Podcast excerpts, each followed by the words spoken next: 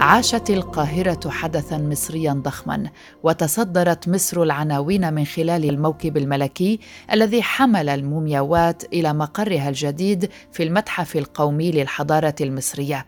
فقرابة الساعة الثامنة مساء وثلاثين دقيقة بالتوقيت المحلي المصري يوم الثالث من أبريل نيسان وصل الموكب على وقع حفل استعراضي وموسيقي ضخم تابعه المصريون وملايين من جنسيات مختلفة في كل أرجاء العالم وبث العرض مباشرة على التلفزيون المصري وعبر تويتر وقنوات مصرية خاصة عديدة ومواقع حكومية رسمية كموقع وزارة السياحة المصرية. من هم المومياوات التي نقلت خلال هذه الرحلة الخاصة جدا والفريدة؟ سنتعرف إليهم أكثر في هذه الحلقة من بودكاست في عشرين دقيقة معكم براء صليبي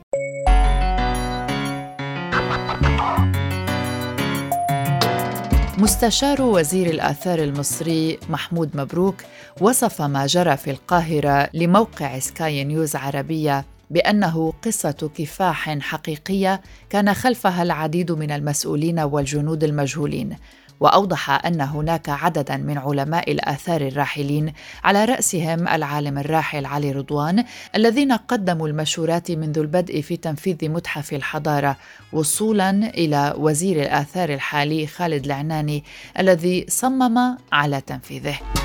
كيف كان مسار موكب المومياوات؟ انطلق الموكب الملكي من المتحف المصري وسط القاهرة وسط أضواء زرقاء وبيضاء مبهرة عمت ميدان التحرير الذي أعيد تخطيطه وافتتاحه لهذه المناسبة. وتم تزيينه بمسلة فرعونية في وسطه أحيطت بأربعة كباش فرعونية نقلت خصيصا من الأقصر.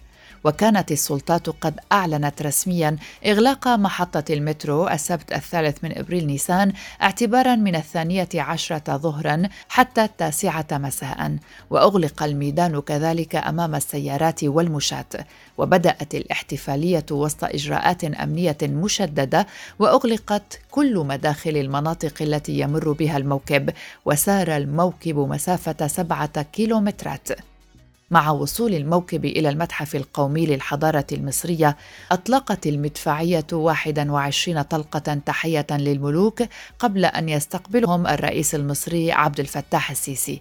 الرحلة كما وصفها زاهي حواس عالم الآثار المصري لم تكن الأولى لهذه المومياوات وإنما كما شاركنا هذا الخبير السياحي المصري وقال دي تاني رحلة للمومياوات المصرية لأنها اتنقلت في الأقصر قبل كده ثم الذكرى الثانية اللي هتتنقل لمتحف الحضارة وهتتعرض بشكل دائم. الحضور ممثل لمنظمة السياحة العالمية مديرها ومنظمة اليونسكو دي رسالتين مهمين جدا. الرساله الأولانية إن رسالة سياحية للعالم أجمع. تاني رسالة اللي إحنا بنحافظ على الآثار والتاريخ بتاعنا لأن الآثار لا تخص مصر بل تخص العالم أجمع. ضجت مواقع التواصل الاجتماعي بكثير من التدوينات للتعبير عن انبهارهم بالعرض وإجراءات نقل المومياوات وسط مشاركة نخبة من الفنانين المصريين منهم حسين فهمي يسرى خالد النبوي نيلي كريم أحمد عز أحمد السقا هند صبري آسر ياسين كريم عبد العزيز منى زكي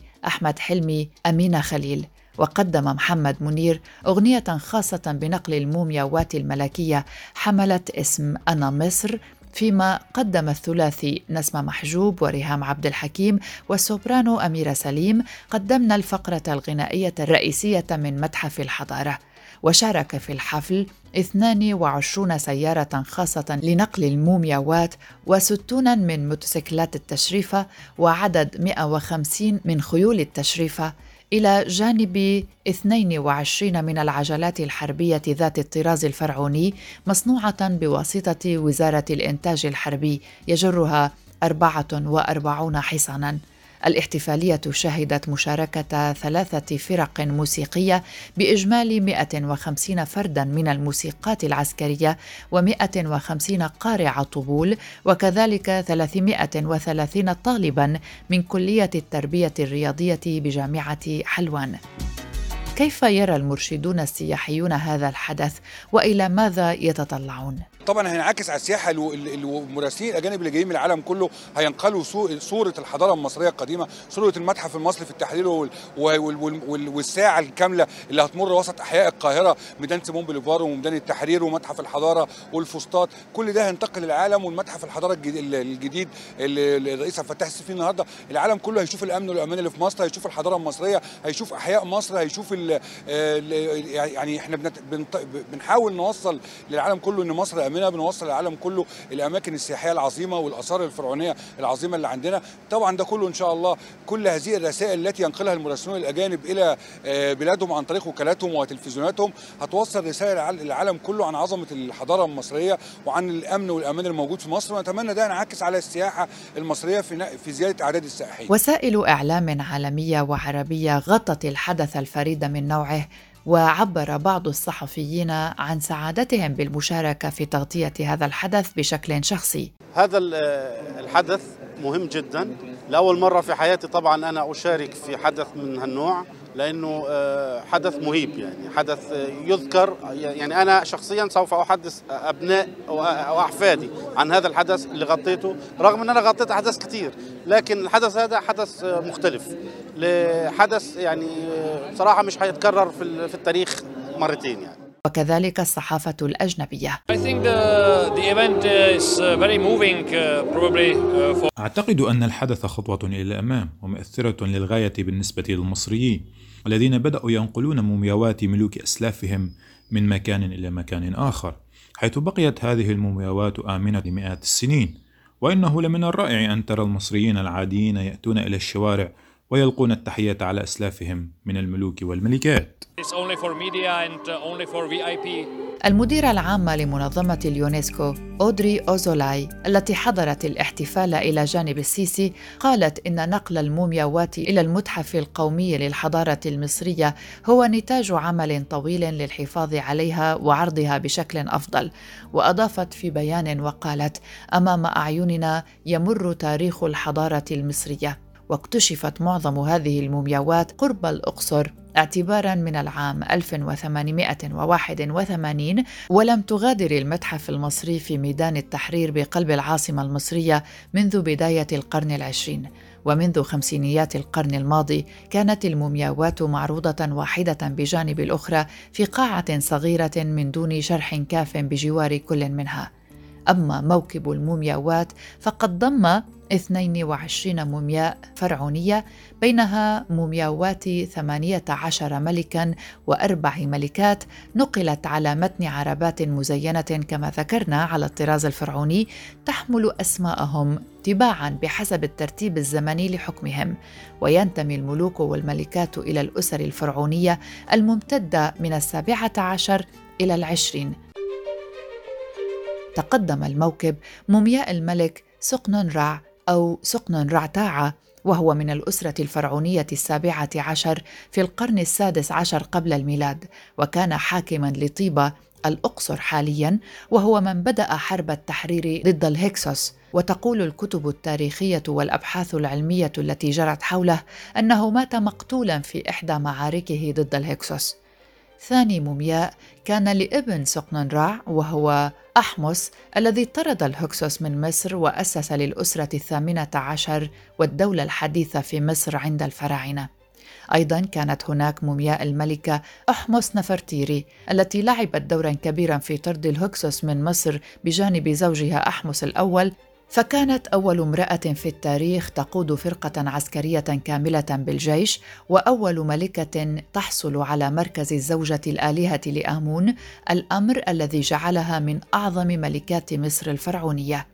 تعتبر أيضا من الملكات اللواتي عشن وعاصرن الكثير من حكام مصر الفرعونية حيث عاشت خلال حكم كل من زوجها أحمس الأول وابنها امنحوتب الأول وحفيدها تحتمس الأول وقدر علماء الآثار بأنها ماتت في سن السبعين وكان لها القابا كثيرة منها سيدة العطاء وعظيمة الثناء أو الزوجة الملكية العظيمة أو المتحدة مع التاج الأبيض. أيضا في هذا الموكب كانت هناك مومياء الملكة حتشسبوت ابنة الملك تحتمس الأول وزوجة أخيها غير الشقيق تحتمس الثاني وكانت وصية على العرش بعد وفاته. ثم صارت الملكة واسمها الكامل هو غنمة آمون حتشسبوت ويعني المتحدة مع آمون أفضل النساء. ولها من أشهر آثارها معبد الدير البحري في الأقصر وعرفت أيضا حسب الروايات بنشاطها التجاري القوي. رافقها مومياء ابن زوجها الملك تحتمس الثالث والذي كانت أي حتشسبوت الوصية على عرش مصر في وقته والحاكم الفعلي للبلاد. وحكمت فعلا لعدة سنوات نيابة عنه فقد كان صغيرا عندما اعتلى العرش وكانت حتمس الثالث خصمها في نفس الوقت. الملك رمسيس الثاني أشهر ملوك مصر القديمة وبطل معركة قادش وصاحب أول معاهدة سلام مكتوبة في التاريخ كان واحدا من المومياوات التي نقلت في هذا الموكب أيضا. رمسيس الثاني من أهم آثاره معبد أبو سمبل الشهير والذي تحصل فيه ظاهرة تعامد الشمس المعروفة. هناك أيضا مومياء الملك تحتمس الرابع صاحب الحلم الذي وجد مكتوبا على لوحة بين يدي تمثال أبو الهول والتي يقول فيها أنه رأى في الحلم أبو الهول يخبره بأنه إذا قام بإزالة الرمال المتراكمة على تمثاله وحافظ عليه مما يطمسه عن الأعين فإنه سيمنحه تاج مصر. وقد أزال بالفعل الرمال عن أبو الهول وأقام حوله سورا بناه من اللبن. أيضا مومياء امنحوتو الثالث. من أعظم حكام مصر على مر التاريخ بنى عددا كبيرا من المعابد من أهمها معبد طيبة الذي محي بالكامل لاحقا.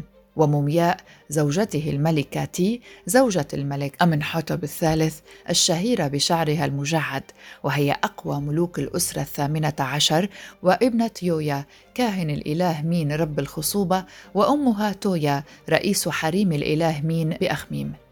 أيضا مومياء الملك سيتي الأول ابن رمسيس الأول ووالد رمسيس الثاني والملكة أحمس نفرتاري وله أجمل مقبرة فرعونية.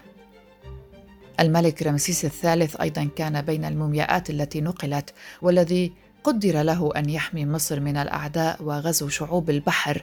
شهدت المملكة الفرعونية في دوره مشاكل اقتصادية كبيرة ووصف بأنه الفرعون المحارب بسبب استراتيجياته العسكرية القوية في مواجهة شعوب كانت تأتي لتغزو البلدان من البحر ولم يعرف حتى الآن وفي أي من الروايات من هي تلك الشعوب الغامضة.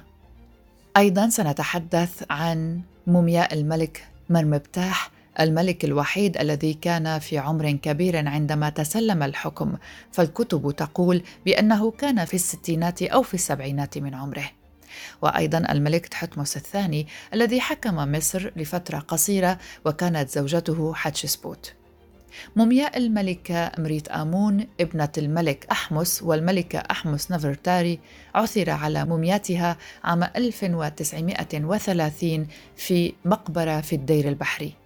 ولم تكن أحمس مريت آمون ملكة حاكمة إذ ماتت شابة في عمر الثلاثين إلا أن دورها كان بارزا في عصرها فقد كانت الزوجة الملكية العظمى لشقيقها الملك أمن حتب الأول بالأسرة الثامنة عشر في الدولة الحديثة كما تولت منصب زوجة آمون وراثة عن والدتها الملكة أحمس نفرتاري واختتم الموكب بمومياء الملك رمسيس التاسع من الأسرة الفرعونية العشرين. وأقلت المومياوات كل في عربة بمفردها في غلاف يحتوي على النيتروجين حتى تكون في ظروف مماثلة لتلك التي حفظت بها داخل صناديق العرض في المتحف المصري حيث مكثت لأكثر من قرن وزودت العربات التي نقلت المومياوات بتجهيزات خاصة لاستيعاب الصدمات. أما المتحف القومي للحضارة المصرية والذي سيكون مقرا جديدا لهذه المومياوات الاثنين وعشرين فهو مبنى حديث في مدينة الفسطاط التاريخية بمنطقة مصر القديمة في جنوب القاهرة وهو أحد أهم المشروعات التي أنجزت بالتعاون مع الحكومة المصرية ومنظمة اليونسكو ويضم مقتنيات متنوعة من الحضارة المصرية منذ عصر ما قبل التاريخ إلى وقتنا الحاضر. افتتح المتحف القومي أبوابه الأحد الرابع من أبريل نيسان بعدما فتح جزء منه عام 2017 وستعرض في هذا المتحف المومياوات الملكية التي تم نقلها داخل صناديق حديثة مزودة بتقنيات لضبط درجة الحرارة ومستوى الرطوبة أكثر تقدما من تلك الموجودة في المتحف القديم. بحسب ما قالت لوكالة الأنباء الفرنسية سلمى إكرام أستاذة المصريات في الجامعة الأمريكية بالقاهرة المتخصصة في التحنيط. وستعرض كل مومياء منفردة إلى جانب التابوت الخاص بها بطريقة تشبه المقابر الملكية المدفونة تحت الأرض مع سيرة ذاتية لكل ملك وصور الأشعة لبعض منها ونبذة تعريفية لكل القطع الأثرية المرتبطة بها. الزائرون سيتمكنون من رؤية المومياوات الملكية اعتبارا من الثامن عشر من الشهر الجاري أبريل نيسان 2021 بعد الانتهاء من إعدادها للعرض. ويقول عالم الآثار زاهي حواس ستعرض المومياوات لأول مرة بطريقة جميلة لأغراض ثقافية وليس من أجل الإثارة. ووفقا له فإن المومياوات المخيفة كانت سببا في الماضي للزيارات القليلة ويذكر لنا هنا حادثة يقول بأنه لن ينساها عندما اصطحب الأميرة مارغريت شقيقة الملكة إليزابيث الثانية إلى المتحف وأغمضت عينيها وهربت عند رؤية المومياوات. مصر ستفتح خلال شهور متحفا آخر وهو المتحف المصري الكبير وموقعه سيكون قرب أهرامات الجيزة وسيضم مجموعات فرعونية من متحف التحرير بوسط القاهرة أبرزها الكنز الشهير الخاص بالملك الفرعوني توت عنخ آمون. واكتشفت مقبرة توت عنخ آمون والتي تعود للقرن الرابع عشر قبل الميلاد اكتشفت في العام 1922 وقد ضمت مومياء الملك الشاب وأشياء كثيرة مصنوعة من الذهب والمرمر والعاج. يقال أنها فوق الخمسة آلاف قطعة. وإثر الضربات الموجعة التي تلقتها السياحة المصرية عقب ثورة 2011 تسعى مصر اليوم إلى استعادة ملايين الزوار من خلال الترويج لمتاحفها الجديدة ومن بينها متحف الحضارة. لن يفوتنا هنا الحديث عن لعنة الفراعنة. فقد أثار الموكب الملكي تعليقات كثيرة على وسائل التواصل الاجتماعي ولم يسلم من روح الفكاهة لدى المصريين وكان قد سبق وأن ربط العديد من المصريين بعد معرفتهم بالتحضيرات التي تجري لنقل المومياوات بالحوادث التي جرت في مصر في الأيام القليلة الماضية. ففي أسبوع واحد شهدت مصر جنوح سفينة عملاقة أوقفت الملاحة بمجرى قناة السويس لمدة ستة أيام وحادث اصطدام قطارين خلف قتلى وجرحى بالعشرات في سوهاج جنوب البلاد بالإضافة إلى مقتل ما لا يقل عن 25 شخصا في انهيار مبنى سكني في شرق القاهرة يمكنكم هنا لمعرفة المزيد الاستماع إلى الحلقتين رقم 240 و 241 من بودكاست في 20 دقيقة فقد تحدثنا عن هذه الأحداث بالتفصيل. نعود للعنة الفراعنة حيث انتشر على عديد من صفحات التواصل الاجتماعي المصرية هاشتاج لعنة الفراعنة الناجمة عن نقل المومياوات واعتاد الكثير من المصريين على وصف أي حدث حزين أو مأساوي بأنه نتاج لعنة الفراعنة. وذلك من باب الفكاهة وربما البعض مقتنع فعلا أن الحوادث الأخيرة في مصر هي نتاج لعنة الفراعنة تعبيرا عن استيائهم لنقلهم من مرقدهم الحالي وسبق أن ورد ذكر لعنة الفراعنة في عشرينيات القرن الماضي بعد اكتشاف مقبرة توت عنخ آمون وما أعقب ذلك من وفيات اعتبرت غامضة بين أعضاء فريق علماء الآثار الذي اكتشفها. أما آخر ما سنذكره هنا فهو حول حقائق بارزة جديدة تكشف عن المومياوات المصرية الملكية والسر في ذلك كان لدى فريق بحثي شاب مصري فقد قام هذا الفريق البحثي المصري والذي يضم عددا من الشباب ضمن مشروع المومياء المصرية بفحص المومياوات باستخدام الأشعة المقطعية وعلوم الأنثروبولوجيا والوراثة الجزيئية وذلك للتأكد من إمكانية نقلها بأمان إلى مقرها الجديد وعرضها بشكل لائق. وفي الواقع فقد قام هذا الفريق بفحص مومياء توت عنخ آمون بالإضافة إلى 21 مومياء ملكية من ضمنها رمسيس الثاني. أما الأمر الأبرز فهو أن الفريق البحثي تمكن من إعادة اكتشاف تفاصيل حياة معظم تلك المومياوات وفي مقدمتهم الملك سقنن رع ثم رمسيس الثالث الذي مات نتيجة مؤامرة بين زوجته وابنه كما أظهرت الأشعة المقطعية. وفعليا فإن هناك ثلاثة أهداف رئيسة عند فحص أي مومياء وهي اكتشاف ظروف وفاتها وطريقة التحنيط ونقاط القوة والضعف فيها. وفق ما ذكر زاهي حواس عالم الآثار المصري وأحد مؤسسي مشروع المومياء المصرية. هذه كانت حلقة جديدة من بودكاست في عشرين دقيقة. شاركتني في إعدادها الصديقة والزميلة الصحفية يالا فهد وكنت معكم من وراء المايك براء صليبي إلى اللقاء.